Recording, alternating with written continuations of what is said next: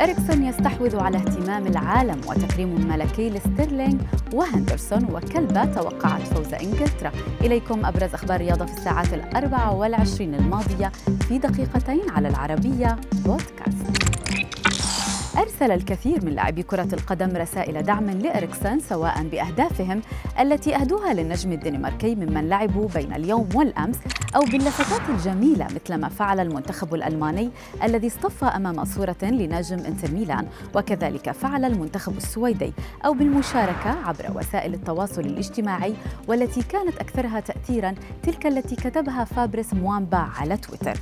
رسالة موامبا التي شكر فيها أطباء إريكسون جاءت من قبل لاعب سبق وأن عانى من نفس الأمر في العام 2012 فلا ينسى عشاق كرة القدم لحظة سقوطه بسبب سكتة قلبية بعدها اضطر اللاعب الإنجليزي للاعتزال في عمر الرابعة والعشرين.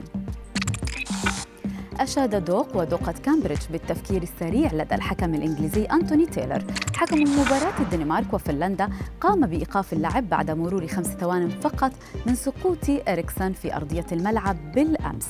مستدعيا الطاقم الطبي للتدخل وتصرف بعدها بشكل إيجابي مع اللاعبين.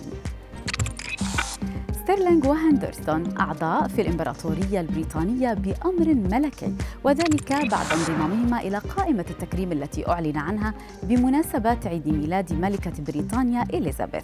تكريم رحيم ستيرلينغ الذي سجل هدف الفوز لإنجلترا اليوم يأتي لحملته ضد العنصرية وإنشائه مؤسسة لحماية الأطفال المحرومين. أما جوردن هندرسون فيتلقى التكريم واللقب بعدما أنشأ صندوق لاعبون متحدون بهدف جمع الأموال لصالح الخدمات الصحية. توقعت الكلبة ويلو فوز منتخب إنجلترا على كرواتيا في افتتاح مباريات الفريقين ضمن كأس أوروبا. وتستطيع ويلو اذكى كلبة في بريطانيا بحسب مالكتها شارلوت. عد الأرقام من واحد إلى عشرة ولفظ حروف اسمها وقد تنبأت بالكثير من الأحداث بطريقة مذهلة. وتم تجربتها سابقا في الانتخابات الأمريكية وانتخابات رئيس وزراء بريطانيا ونهائي دوري الأبطال. بالمناسبة من تفضل أكثر تشافي أم انيستا؟